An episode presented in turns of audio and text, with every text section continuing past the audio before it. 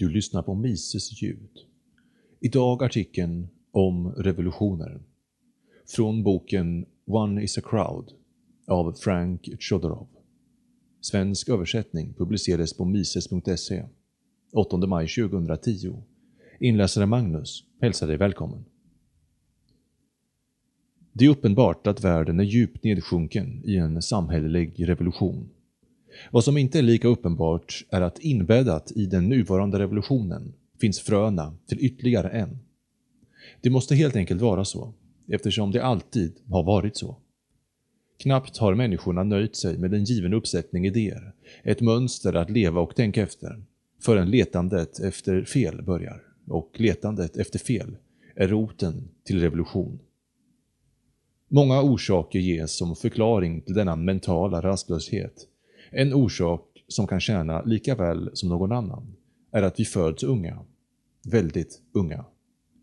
Det är det unga sinnets naturliga inställning att fråga varför? Och eftersom ingen har besvarat den frågan med slutgiltighet är fältet för spekulation vidöppet. Och således, så fort ungdomarna hittar en spricka i de accepterade svaren, hittar de på sina egna. Och eftersom de är nya är de, så vitt de bryr sig, också garanterat felfria. På något sätt blir sprickorna ändå synliga och en ny generation måste ta sig an denna käpphäst i strävan efter den heliga graalen, den sköna nya världen. Revolution är inneboende i den mänskliga naturen. Ponera att vi kom till denna värld med alla handikapp och all besvikelse hos, låt oss säga, någon vid 60 års ålder. Om detta hade varit fallet skulle mänskligheten aldrig ha flyttat ut ur grottorna, skulle aldrig ha hört talas om atombomben eller New Deal. Gamla människors enda funktion, eller i alla fall det enda de sysslar med, verkar vara att hitta fel med de mirakelkurer de trodde på i sin ungdom. Erfarenhetens pris är en besvikelse.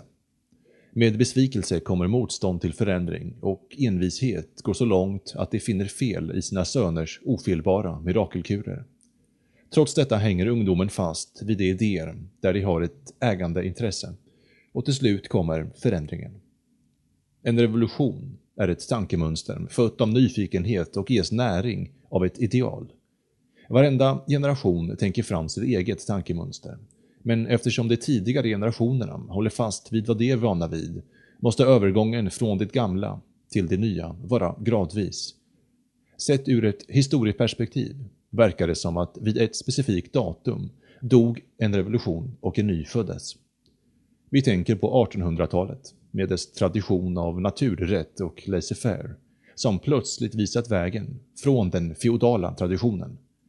Men Voltaire, Adam Smith, Rousseau och andra plöjde och planterade frön en tid innan 1800. Och om du gräver lite hittar du 1800-talets rötter mycket tidigare. Trots detta är det säkert att medan vi njuter av, eller ångrar, vår egen revolution är ungdomen kritisk till den och håller på att bygga dess efterföljare. Det finns en grad av nöje, om du är lagd på det sättet, i att försöka tyda riktningen på nästa revolution i den rådande strömmen av idéer. Det är en intressant lek, även om du vet att du inte kan vara på plats och säga ”Vad var det jag sa?” Det är en lek som tar bitterheten från besvikelsen och rånar pessimismen dess glans. Vår egen revolution, den som verkar ha börjat den första dagen i januari år 1900, identifierar sig som kollektivismens doktrin. Kort sagt håller doktrinen fast vid att förbättringen av vårt levnadssätt endast kan uppnås om vi räknar bort individen. Massan är det enda som spelar roll. Doktrinen förnekar inte individens existens, men relegerar honom till ett medel, inte som ett mål i sig själv. För att stödja sig själv insisterar doktrinen på att individen endast är en produkt av sin miljö, som är massan. Att han inte skulle kunna existera utanför den, att han inte skulle kunna fungera annat än som ett bihang till massan. Massan, å andra sidan, saknar en självframdrivande kraft och behöver knuffas. För detta syfte uppstår ett politiskt maskineri, förmodligen genom något som kallas den demokratiska processen. Individen tjänar marschen mot framsteg genom att underkasta sig denna anordningens riktning. I slutändan, menar doktrinen, kommer individen att gynnas på grund av den jämställda fördelningen av det överflöd som uppstår ur kollektiva handlingar.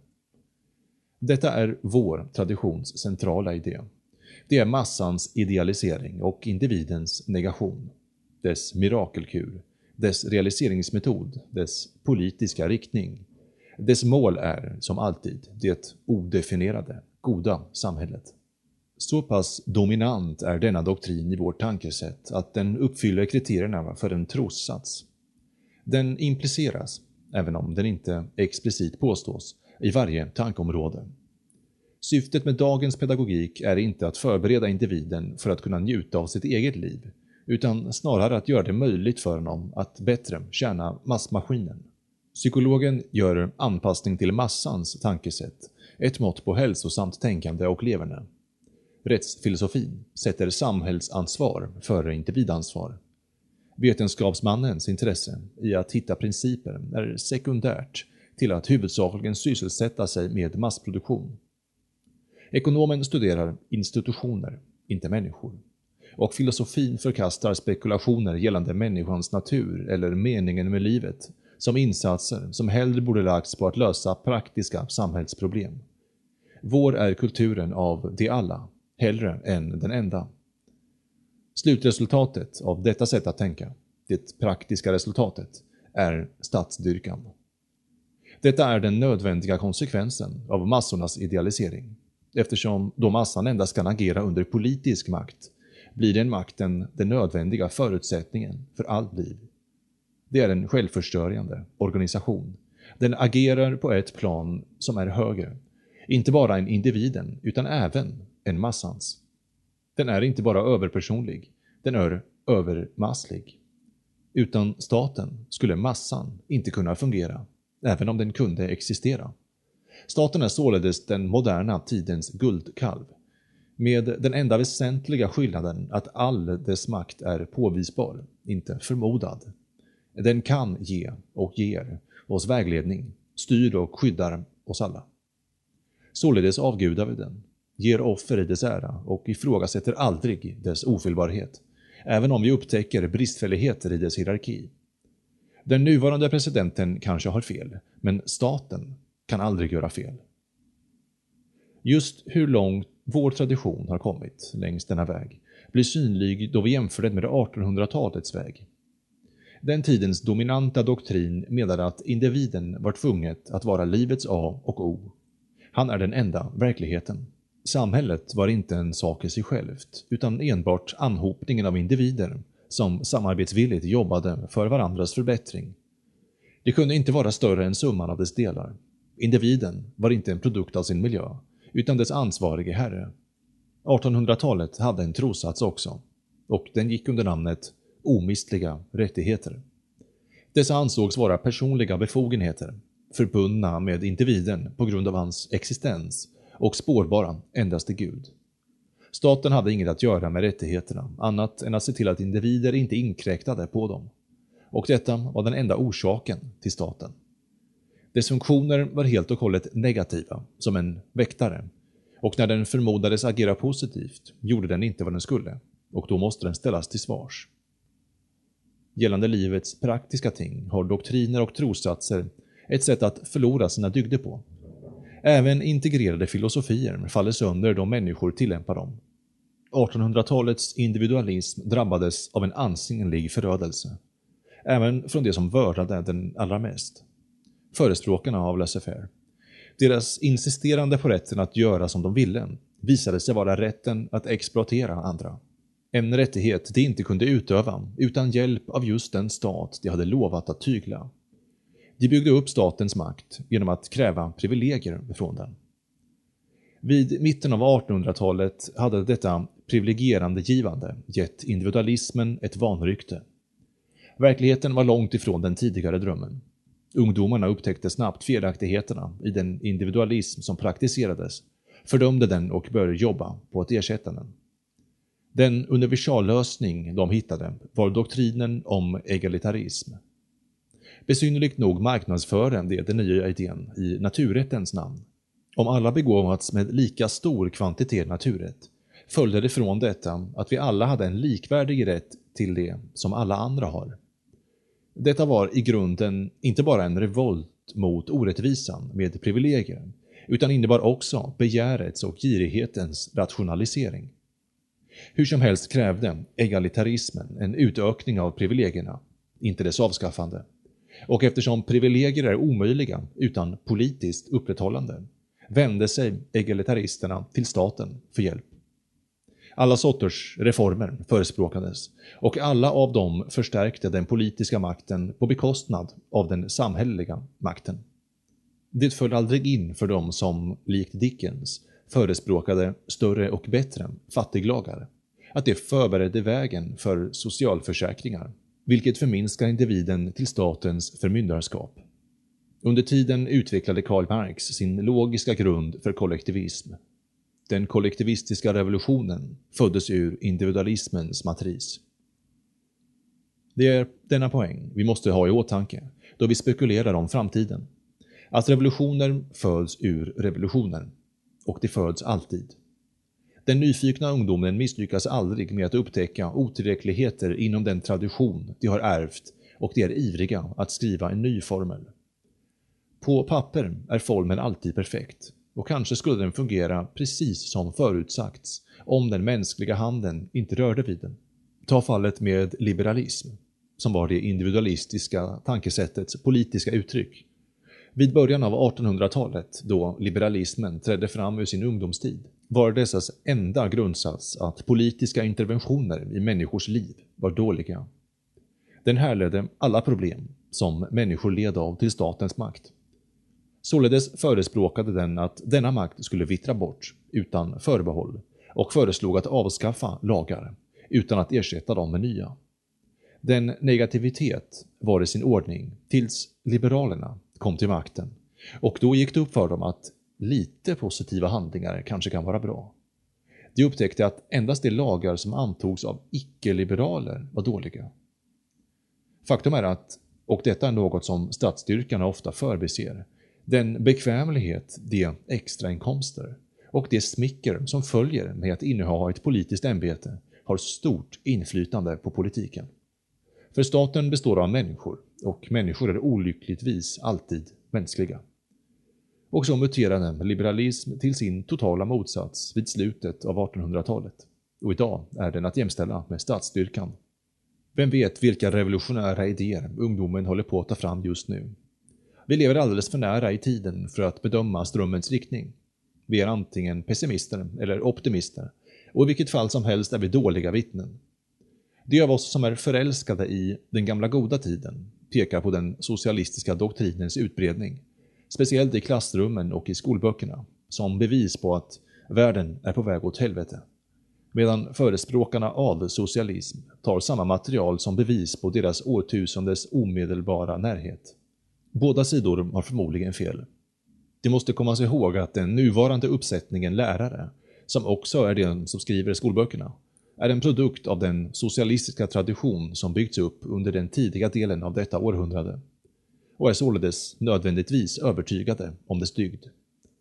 Deras förnekande om naturrätten, till exempel, är lika naturlig som att denna doktrin stöddes av lärare 1850. Men pessimisterna kan trösta sig med detta faktum, att även om professorerna utövar ett visst inflytande på sina studenter, kan de inte hindra nyfikenheten.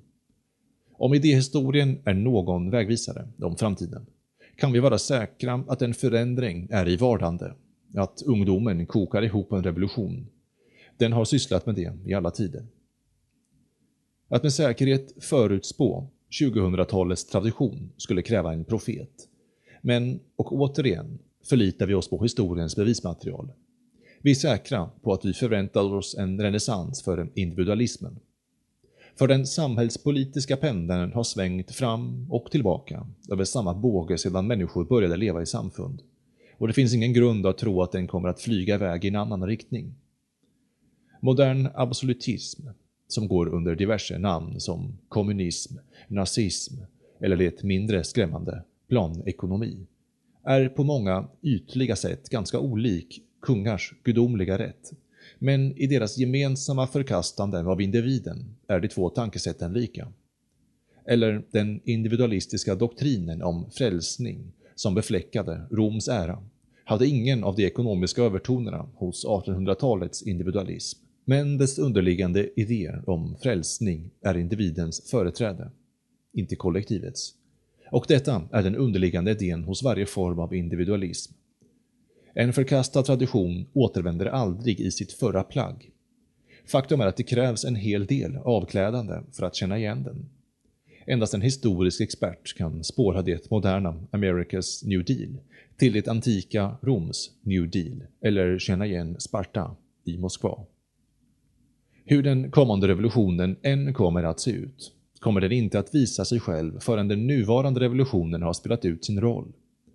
Det finns en viss benägenhet att försöka stoppa den, men det är av naturen ett fruktlöst arbete. Till och med motståndet till den nuvarande kollektivistiska trenden är, precis som sig bör, svärtad av detta.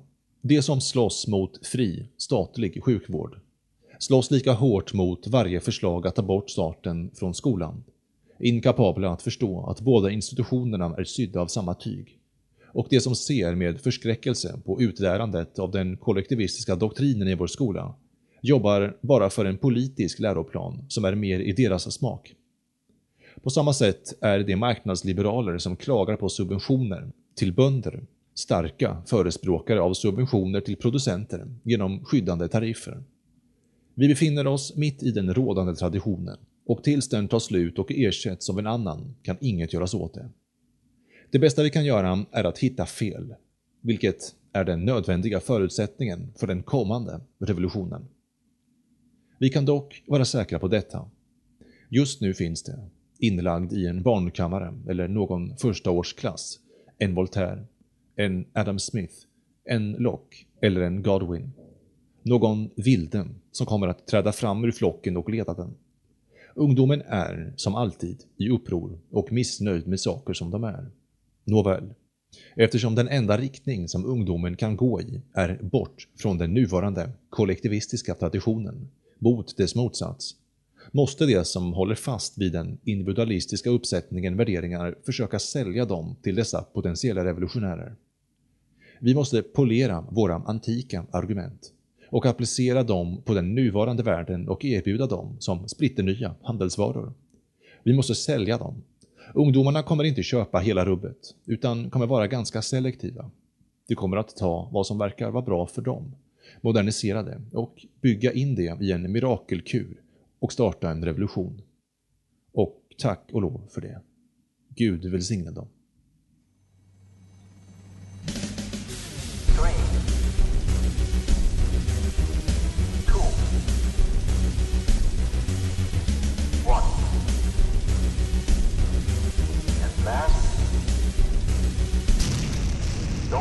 Your trust in politics